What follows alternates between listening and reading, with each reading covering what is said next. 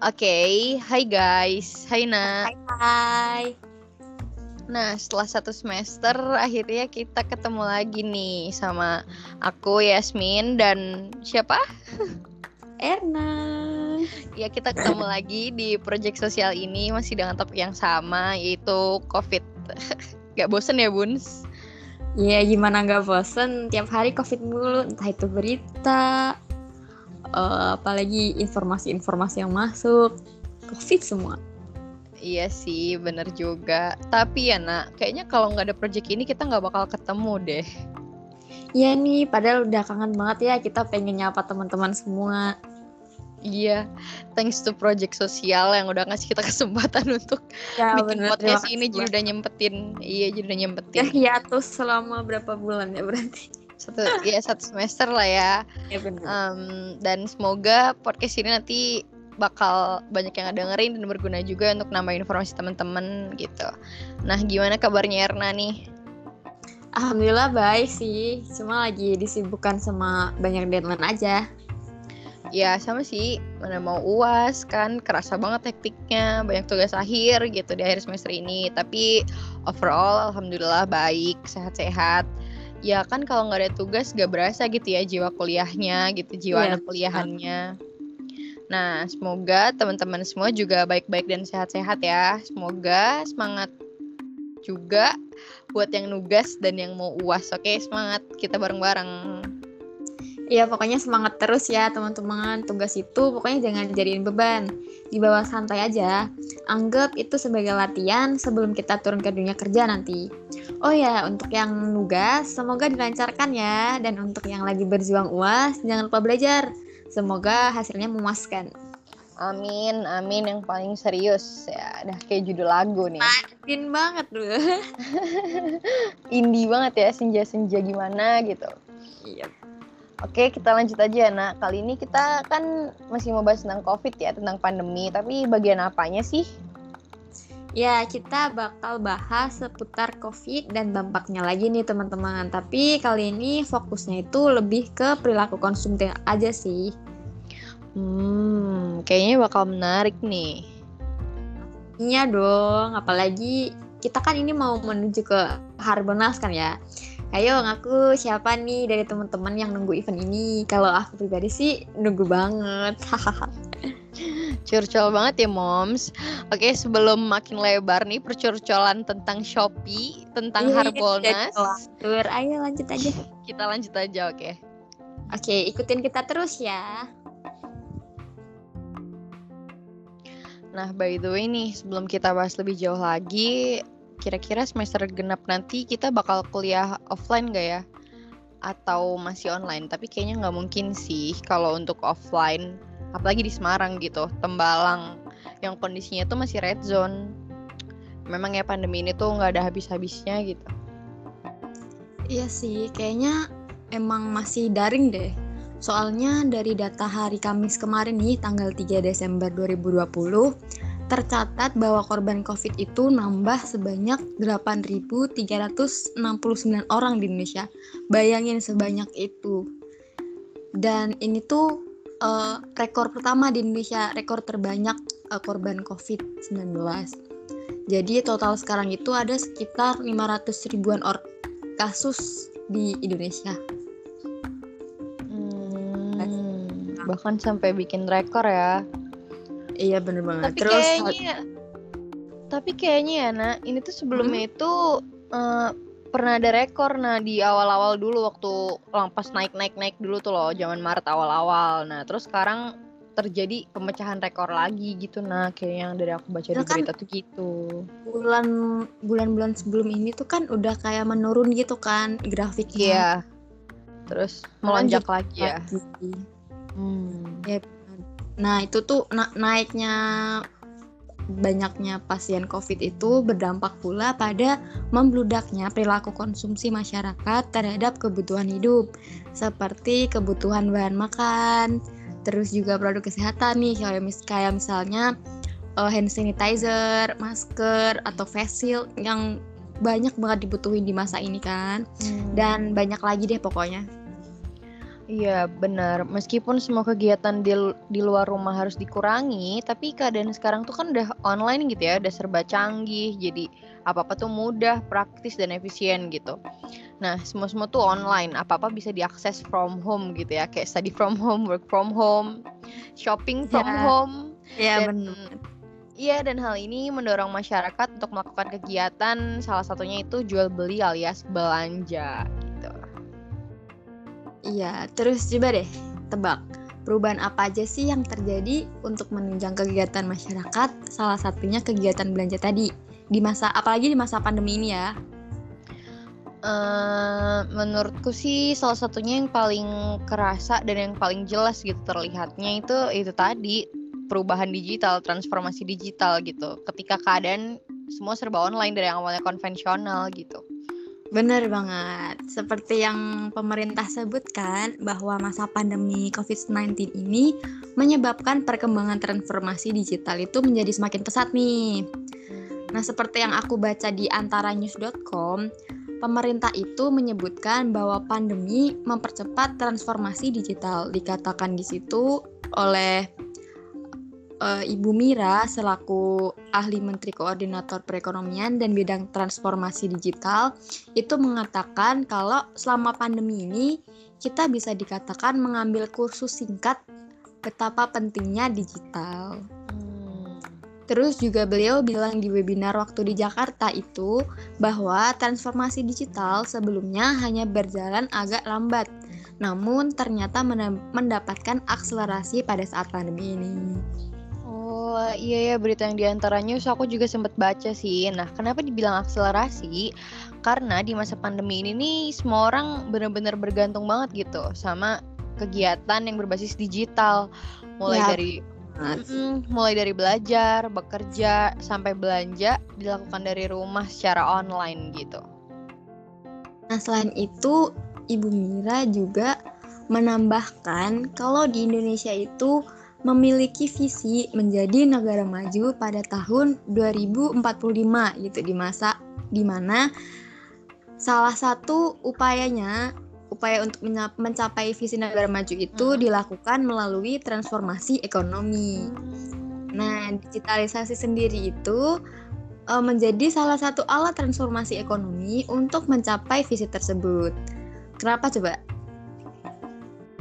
Kenapa sih kira-kira nak? Karena eh, transformasi ekonomi ini akan mengubah perekonomian yang tadinya bergantung pada sumber daya alam menjadi manufaktur dan jasa yang lebih modern dan bernilai tinggi. Oh jadi kayak bener-bener lebih maju ya karena apa-apa serba jadi modern gitu apa-apa serba digital gitu ya.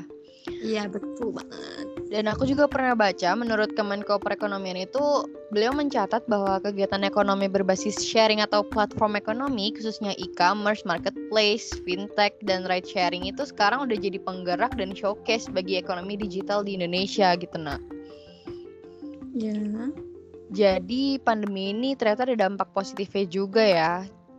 Jadi muncul kebiasaan-kebiasaan yang terasa baru gitu karena sekarang untuk akses segalanya itu bisa serba online, semuanya serba digital. Jadi berasa agak maju aja gitu. Ya, jadi kita maju menuju visi Indonesia di tahun 2045 yang semakin maju gitu ya. Dengan aja Iya. dengan adanya digitalisasi ini. Tapi memang di antara news juga disebutkan sih eh, berdasarkan Google, Temsek, terus ada Brain and Company pada tahun 2019, Indonesia itu memiliki perkembangan ekonomi in- internet terbesar dan tercepat di kawasan Asia Tenggara. Hmm, Tunggu, wow, tunggu deh. tercepat ya. Kenapa? Kok tiba-tiba bahas transformasi digital sih? Jelasin dulu dong Min, apa sih transformasi digital itu? Oh iya ya. Aku cuma nyebutin transformasi digital ya, belum ngejelasin secara lebih lanjut. Oke, selanjutnya kita akan Iya bahas transformasi. tahu teman-teman ada yang belum paham gitu tentang transformasi digital. Oke. Jadi eh, aku bakal coba sama ini apa sih pengertiannya transformasi digital itu? Nah, transformasi digital itu sebuah perubahan cara penanganan suatu pekerjaan dengan memanfaatkan teknologi informasi untuk mendapatkan aktivi- efektivitas dan efisiensi. Nah, tujuan yang ingin dicapai ini dengan pemanfaatan teknologi ini yaitu paperless atau pengurangan penggunaan kertas. Jadi semua kegiatannya itu benar-benar paperless gitu. Terbukti lah ya salah satu contohnya ketika kita buat tugas. Kan udah nggak pakai yang di print-print gitu lagi kan, Nak? Iya bener banget. Selain untuk hemat budget juga ini ya jadi lebih simple sama fleksibel. Jadi kan sebagai gantinya data-data yang seharusnya dalam bentuk kertas itu berubah menjadi bentuk database yang lebih simple, fleksibel, dan dapat diakses setiap saat nih. Iya bener banget, jadinya kayak lebih ramah lingkungan gitu ya. Terus lebih hemat budget, kasih customer experience yang lebih bagus, adanya otomatisasi sistem, peningkatan produktivitas, dan lain-lain. Pokoknya emang kerasa sih apa perubahan digitalisasi ini gitu. Iya kerasa Lama-lama bakal kerasa manfaatnya juga gitu. Nah kalau perkembangannya apa sih nak? Perkembangan transformasi digital tuh dari gimana-gimananya gitu loh. Nah kalau perkembangan itu kan sebenarnya dalam kehidupan kita itu dimulai dari hal-hal yang sederhana dari aktivitas keseharian kita nih. Hmm. Salah satunya itu kayak misal kebutuhan masyarakat akan pemenuhan kebutuhan sebagai individu kayak misalnya makan, ya hmm. kebutuhan pokoknya gitu deh. Terus juga untuk kebutuhan makhluk sosial, ya. salah satunya untuk uh, terkoneksi komunikasi, ya menjalin komunikasi dengan makhluk yang lain. Hmm, bener-bener bener banget ya. Kita kan manusia kan gak cuma makhluk individu ya, tapi makhluk sosial juga gitu. Yang butuh dukungan orang lain juga. Iya benar. Nah, dan transformasi digital ini tuh ngarahnya tuh ke perubahan yang dilakukan dengan menggunakan teknologi digital sebagai pilar utamanya. Nah, jadi emang hal pentingnya itu utamanya ya di teknologi digital itu sendiri. Perubahan-perubahan yang terjadi seperti yang terlihat pada perubahan strategi pemasaran, model bisnis, operasi, produk, pendekatan pemasaran, objektif dan lain-lain itu semuanya berhubungan dengan hal-hal yang berbau digital gitu ya, Nak, berarti ya. Iya, gitu, benar. Terus untuk lebih jelasnya lagi nih, kita bakal kasihin uh, fenomena yang deket banget sama kita. Yang pertama itu ada di uh, transformasi digital di dunia pendidikan. Seperti yang kita tahu ya bahwa akibat dari adanya pandemi COVID-19 ini salah satunya itu perubahan sistem pendidikan gitu. Yang kita rasain sendiri nih sebagai mahasiswa atau sama buat adik-adik yang lagi di SMA atau SMP gitu kan. Iya. Nah, tadinya prosesnya proses pembelajaran yang awalnya tatap muka secara langsung, sekarang tuh jadi sistem daring, sistem online gitu. Hmm. Uh, pemberlakuan kebijakan ini tuh uh, merujuk pada kebijakan pemerintah yaitu tentang physical distancing yang digunakan untuk mengurangi gitu uh, penularan COVID-19 ini. Hmm, iya benar-benar. Nah, dari kebijakan itu maka di, di, diberlakukanlah belajar di rumah dengan memanfaatkan teknologi digital yang berlakunya itu secara tiba-tiba. Jadi kan tadinya kita nggak bakal nggak nge-expect gitu ya kalau bakal mm-hmm. uh, belajar online uh, yang biasanya bisa bareng-bareng sama teman, interaksi langsung sama teman. Sekarang jadi ya kayak terbatas gitu lah ya. Hmm. Nah, untuk teknologi informasi sebagai pendukung terlaksananya pola pembelajaran online pada masa pandemi ini, ada di, antara, di antaranya itu e-learning, rumah belajar, Edmodo, Edlink, Moodle, Google Classroom, kelas online psikologi, atau juga Microsoft Team. Dan mungkin masih banyak lagi sih yang gak bisa kita sebutin satu-satu. Hmm. Nah, dari pelaksanaan pembelajaran online ini sebenarnya banyak sih tantangan yang dihadapi uh, dengan pemanfaatan teknologi informasi. Tapi di samping tantangan-tantangan itu tentunya juga ada dong pasti dampak positifnya. Kayak misalnya pemanfaatan teknologi informasi yang perlu dikembangkan secara inovatif dan tentunya akan sangat bermanfaat dalam dunia pembelajaran di era digital yang akan datang. Iya benar ya, karena kan kita semua juga maksudnya di dunia ini kan lagi semuanya berlomba-lomba untuk maju gitu ya, 4.0 gitu loh. Indonesia harus cepat-cepat ngejar. Nah, harapannya teknologi informasi ini bisa dimanfaatkan dengan lebih baik lagi dan semakin dikembangkan secara inovatif gitu ya, supaya uh, keberlangsungan kegiatan kita juga bisa semakin maju gitu. Iya betul, nggak tertinggal sama negara-negara yang lain. Benar, Indonesia ini harus ngejar gitu ya. Nah, selain dunia pendidikan, di mana kita notabene sebagai mahasiswa yang deket banget sama kita, kita juga bakal bahas di dunia perekonomian. Ini juga kan gak jauh-jauh ya dari kita, karena berkaitan dengan pemenuhan kebutuhan kita gitu. Nah, seperti yang terjadi pada bidang pendidikan, di bidang ekonomi itu ada juga transformasi digital gitu, dan mulai berkembang semakin maju. Kembali lagi pada peraturan pemerintah yang mengharuskan kita untuk stay at home dan menjalani aktivitas apa-apa dari rumah, new normal juga kan kita harus rajin cuci tangan pakai sabun, pakai masker kalau keluar rumah dan jaga jarak gitu kan kalau lagi di luar yeah. rumah. Nah, yang awalnya kebutuhan seperti makan, transaksi, dan kebutuhan lainnya dilakukan secara langsung, konvensional gitu ya, berubah jadi serba online. Hal ini yang kemudian menyebabkan munculnya banyak perubahan di bidang ekonomi. Misal nih, yang terjadi sama perusahaan yang bergerak di bidang transportasi kayak Gojek dan Grab. Nah, coba dulu kan cuma ada ojek, angkot, bis antar kota gitu ya. Kalau yeah. dalam kota sama ada taksi gitu. Nah, kalau sekarang udah lebih efisien lagi dalam waktunya gitu. Ada Gojek dan Grab yang aplikasinya itu ada di smartphone kita, bisa diakses kapan pun dan di mana pun gitu. Selama baterai smartphone-nya nggak habis ya. ya sekarang lebih simpel lagi ya, tinggal klik abang Gojeknya dateng. Iya, bener banget. Nah, perusahaan-perusahaan ini awalnya hanya menyediakan jasa transportasi, nah, tapi habis itu merambah lagi ke penyediaan jasa pengantar makanan. Jadi mereka kayak kerja sama gitu sama restoran-restoran atau kedai-kedai makanan gitu. Ah Nah, karena pembatasan sosial yang dilakukan tadi, penggunaan jasa pengiriman makanan tuh jadi lebih banyak juga digunakan. Selain itu, untuk bidang transaksi online dalam bentuk uang digital berubah ya jadi uang digital gitu. Sehingga banyak muncul aplikasi perbankan seperti M-Banking, GoPay, OVO, Dana, dan lain sebagainya. Yang sebelumnya paling cuma ATM dan atau transfer lewat ATM atau lewat harus datang langsung ke banknya gitu kan. Sekarang jadi nggak harus pegang uang ya? Iya, uangnya udah disimpan semua di akun virtual kita gitu, yang ada di HP, di smartphone kita ya, gitu. Benar. Lebih efisien lagi kan? Terus di bidang bisnis, pembatasan sosial ini menyebabkan banyak pengusaha atau pebisnis mengalami kerugian nih sayangnya. Tapi dampak baiknya karena adanya perkembangan transformasi digital ini jadi banyak muncul perusahaan e-commerce seperti Shopee, Lazada, Tokopedia dan masih banyak lagi dan mereka pengusaha-pengusaha dan pebisnis itu pakai Shopee sebagai platform untuk ngejualin produk-produknya kayak gitu nah. Berarti kayak jadi perantara gitu ya antara penjual sama pembelinya. Iya bener banget.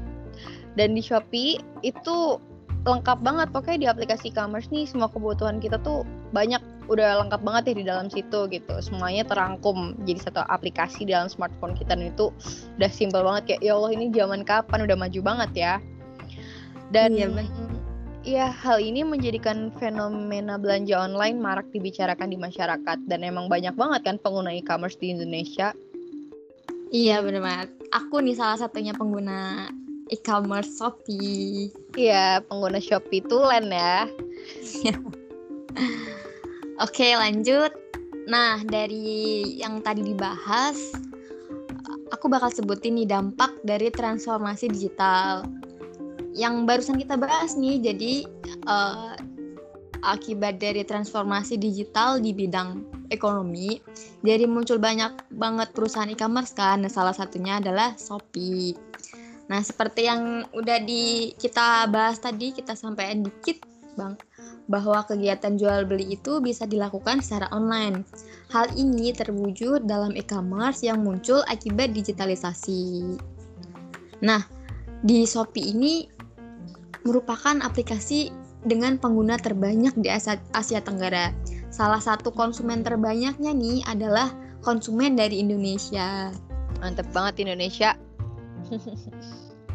Iya, terus jadi di dalam aplikasi Shopee ini tersedia berbagai kebutuhan nih, mulai dari bahan makanan, peralatan kebutuhan rumah tangga, produk kesehatan, kecantikan, fashion, tanaman, atau bahkan untuk bayar-bayar gitu, kayak bayar PLN, listrik, PDAM, dan sebagainya. Nah, jadi itu hampir semua produk gitu ya yang kita perlukan itu ada menjadi satu dalam bentuk sebuah aplikasi. Selain itu, untuk menarik minat masyarakat, Shopee ini juga sering mengeluarkan berbagai strategi marketing yang menggiurkan nih, seperti hadirnya berbagai jenis voucher, mulai dari voucher diskon hingga voucher gratis ongkir.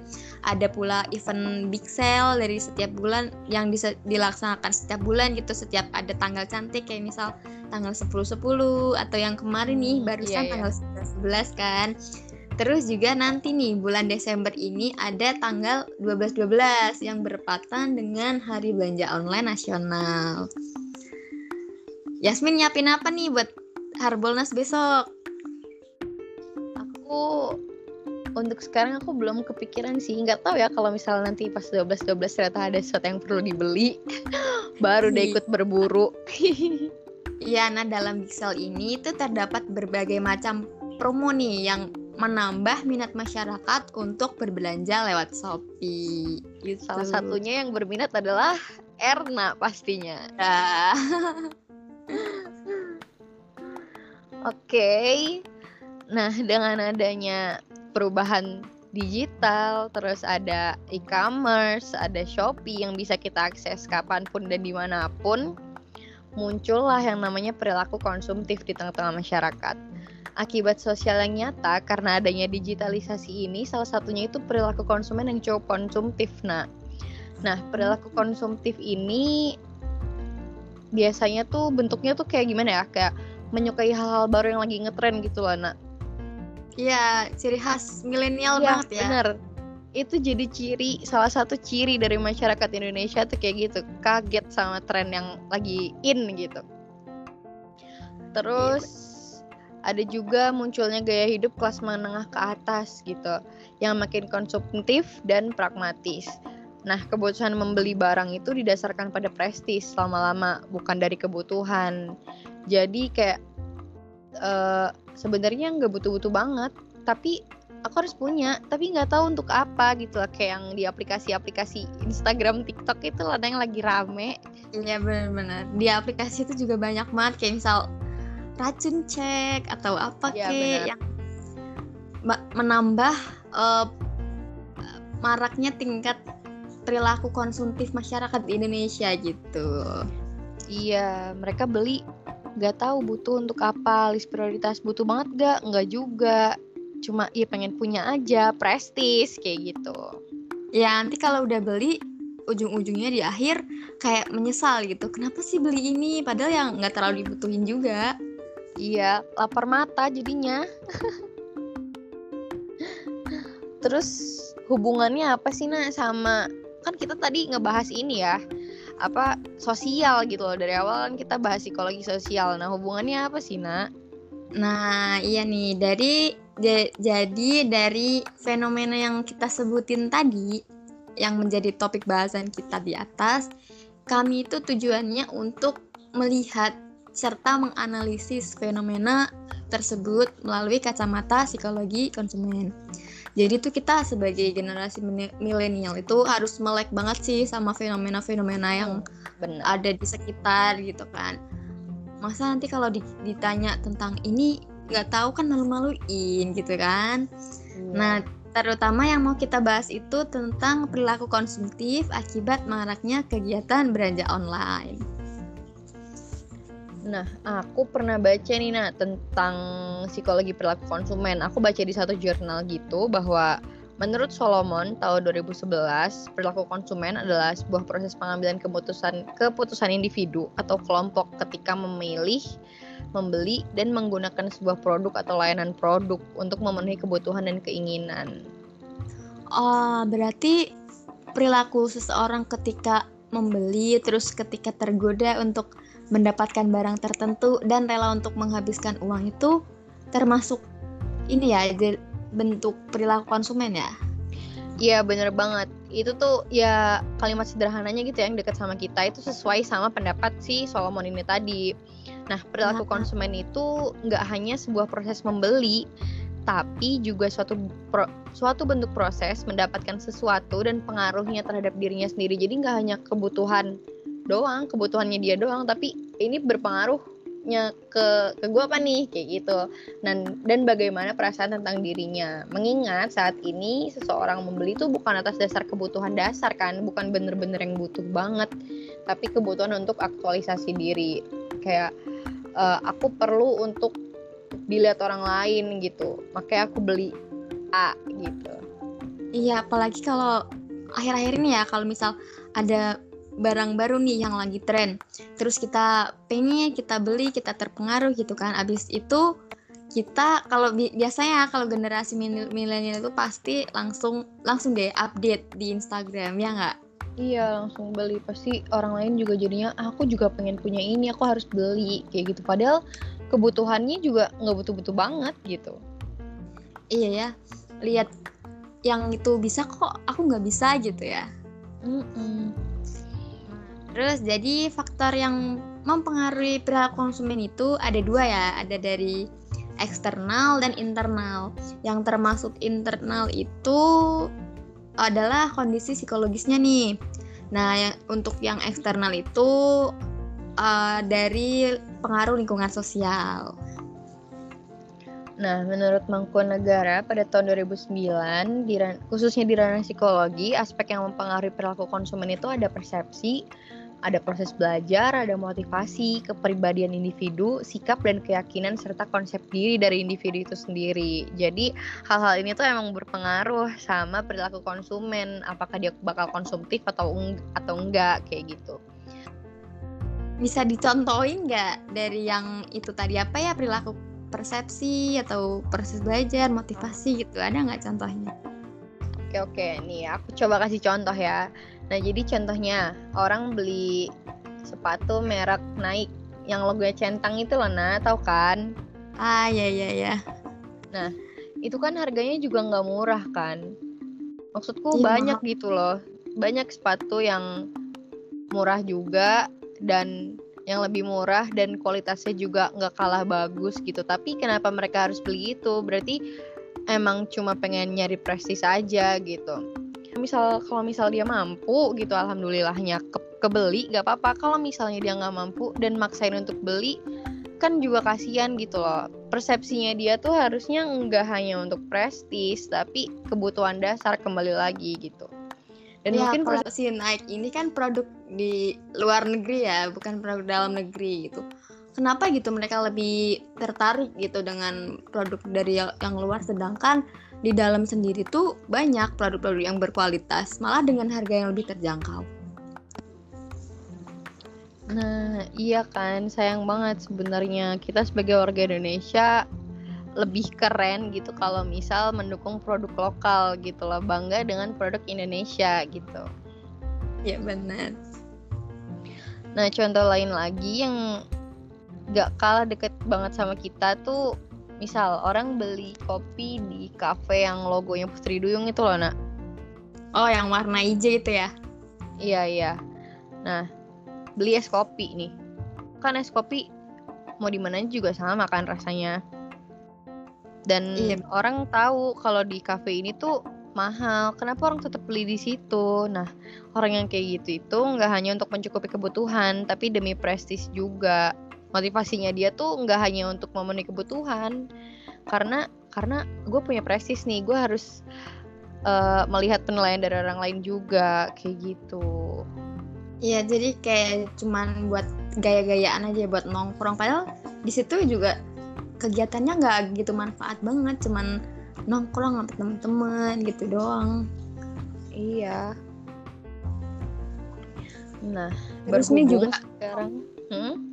Juga kan sekarang jadi kayak apa ya? Gaya hidup masyarakat gitu kan. Banyak Iya. juga eh, franchise-franchise kopi yang tersebar gitu di pinggir-pinggir jalan kayak eh, kopi janji hati, terus lain tempat gitu kan. ada kopi apa lagi ya? Kopi pengalaman. iya, bener banget. Banyak kan sekarang. Jadi uh, anak muda tuh jadi kayak bikin kopi tuh kayak gaya, gaya hidup dia gitu. Kafe tuh kayak jadi gaya hidup ya. Iya benar. Makin konsumtif gitu. Nah, berhubung sekarang kan serba online nih masyarakat model modern itu jelas jadi benar-benar bergantung banget sama sosial media karena setiap hari itu istilahnya always on online terus stay terus di depan smartphone buka Instagram kok sepi, pindah ke Twitter, buka Twitter kok sepi, ganti ke Instagram, buka Instagram ah masih sepi, aku ganti mau ke TikTok gitu terus sampai HP-nya tuh mati, sampai smartphone-nya habis baterainya, ya enggak? Iya, apalagi kan di masa pandemi ini kayak gabut banget karena di rumah aja kan nggak banyak iya. aktivitas juga hmm, terus jadi ini kita juga beralih ke ini YouTube terus Netflix dan aplikasi-aplikasi lain iya sampai kurang apa nonton TV aja mungkin udah ke skip ya kayak udah nggak iya, levelnya iya, gitu iya apalagi kalau di TV kan malasnya tuh apa coba banyak iklan kalau di Netflix kan uh, dikit gitu apa namanya yeah. iklannya. Di YouTube juga bisa di skip iklannya. Iya, benar. Terus juga nih ya, dalam media sosial itu perilaku individu sangat dipengaruhi oleh individu atau kelompok tertentu nih, khususnya dalam hal membeli barang. Gaya hidup dan cara berpikir itu sangat menentukan nih bagaimana persepsi orang dan proses ber, ber, belajar orang terhadap barang baru. Iya sih, benar-benar aku setuju sih kalau individu, gaya hidup individu dan cara berpikir tuh emang benar-benar ngaruh terhadap sudut pandangnya dia ya dalam melihat barang gitu loh. Iya, betul. Nah, ilmu perilaku konsumen ini juga mempelajari tentang tindakan atau proses pengambilan keputusan dalam membeli sebuah produk yang ditentukan oleh faktor ekonomis, psikologis, dan sosial budaya. Nah, ada juga nih dari jurnal jurnal yang aku baca tentang faktor psikologis yang mempengaruhi perilaku konsumen menurut Mangkunagara. Nah, proses itu tuh ada yang pertama faktor ekonomi. Faktor ini tuh terkait sama kemampuan konsumen, kemampuan kita nih dari sisi ekonomi untuk mendukung proses pembelian keputusan dalam membeli barang. Terus yang kedua ada faktor psikologis. Faktor ini tuh terkait dengan pengalaman belajar, kepribadian, sikap dan keyakinan serta konsep diri dari individu yang tentunya berbeda-beda kan. Mm-hmm. Terus yang terakhir ada faktor sosial budaya. Faktor ini tuh terkait dengan faktor budaya dan adat istiadat, kelas sosial, terus ada juga kelompok anutan dan bahkan dari keluarga sendiri. Hmm. Nah, jadi dari faktor tadi itu, secara umum perilaku konsumen itu dapat digolongkan dalam kecenderungan perilaku membeli membelinya konsumen itu ada atau tidak gitu. Nah, perilaku konsumtif itu mulai mendominasi masyarakat modern nih, terutama untuk kelas menengah. Kebutuhan akan status, gengsi, serta perasaan ingin diakui oleh lingkungan itu membuat individu semakin uh, memiliki keterlibatan yang rendah terhadap produk atau bahkan mereka tuh kayak uh, nganggep merek itu sebagai harga diri gitu menunjukkan harga diri kalau oh aku tuh mampu loh beli merek ini gitu. Hmm, jadi harga dirinya itu tuh berpatokan sama harga produk yang dia beli gitu ya? Iya ya benar banget. Sama merek sama gengsi gitu.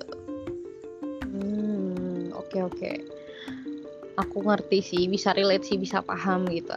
Nah aku juga pernah baca dari hasil survei di PwC Indonesia gitu bahwa perilaku konsumtif ini semakin terlihat jelas selaras dengan ungkapan Peter Hotolas dari Retail and Consumer Advisor di PwC Indonesia dalam konferensi pers secara virtual pada 13 Agustus 2020 mengatakan bahwa konsumen itu udah beradaptasi dari caranya dia berbelanja akibat aturan pembatasan jarak sosial yang diberlakukan sebagai dampak dari COVID ini. Nah, Hal itu mempengaruhi konsumen dalam semua aspek kehidupan, termasuk dalam membeli kebutuhan sehari-hari. Jadi itu emang emang bener-bener ngaruh banget gitu loh ke kebiasaan kita untuk beli kebutuhan sehari-hari. Nah, hasil survei dari PwC Indonesia ini membuktikan bahwa meskipun 65% konsumen Indonesia mengalami penurunan pendapatan rumah tangga, namun ditemukan bahwa 64% konsumen Indonesia optimis tentang masa depan dan akan menghabiskan lebih banyak pendapatan rumah tangga mereka. Jadi bakal lebih boros dan kalau kayak gini terus pasti makin hari makin konsumtif ini. Wah, berarti jadi walaupun pendapatannya turun, gengsi tetap jalan ya, Bun? Iya, melakukan transaksi terus beli ini beli itu tanpa mikir butuh apa enggak. Padahal pendapatan rumah tangganya aja mengalami penurunan gitu. Agak ironis sih sebenarnya, sedih juga apalagi di pandemi ini kan uh, ekonomi tersendat gitu ya. Iya benar. Gak ada gak ada pemasukan tapi pengeluaran terus kan sedih juga gitu. Nah apa sih sebenarnya pesan yang mau disampaikan dari podcast kali ini? Nah khususnya ya. untuk aku sama Erna dan umumnya buat teman-teman yang dengerin podcast kali ini bahwa list prioritas dari hal-hal yang kita benar-benar butuhkan sampai sama sekali nggak butuh itu tuh penting banget untuk ngelis prioritas kita gitu guys. Iya, jadi tuh perhatikan juga ya budget kalian. Jadi jangan sampai lebih besar pasak daripada tiang. Banyak keluarnya tapi masuknya nggak ada. Benar. Jadi jadilah konsumen yang bijak ketika membeli suatu barang. Iya, kalau emang benar-benar perlu, go ahead beli atau check out di Shopee, di Lazada, di Bukalapak, di Tokopedia gitu. Kalau nggak terlalu perlu, mending nggak usah. Iya, mending uangnya ditabung deh, dialokasikan buat kebutuhan penting yang lain. Iya, bener banget gitu. Nah, pesan ini juga sebagai self reminder kita ya, Naya, iya, untuk selalu banget. ingat jangan boros-boros gitu udah udah panjang banget nih kita ngomong udah panjang kali lebar kali tinggi. Jadi apa nak? Jadi kubus nih nanti kubusnya ditutup ya. Jadi ilmunya nggak keluar disimpan baik-baik diingat terus juga dipraktekin.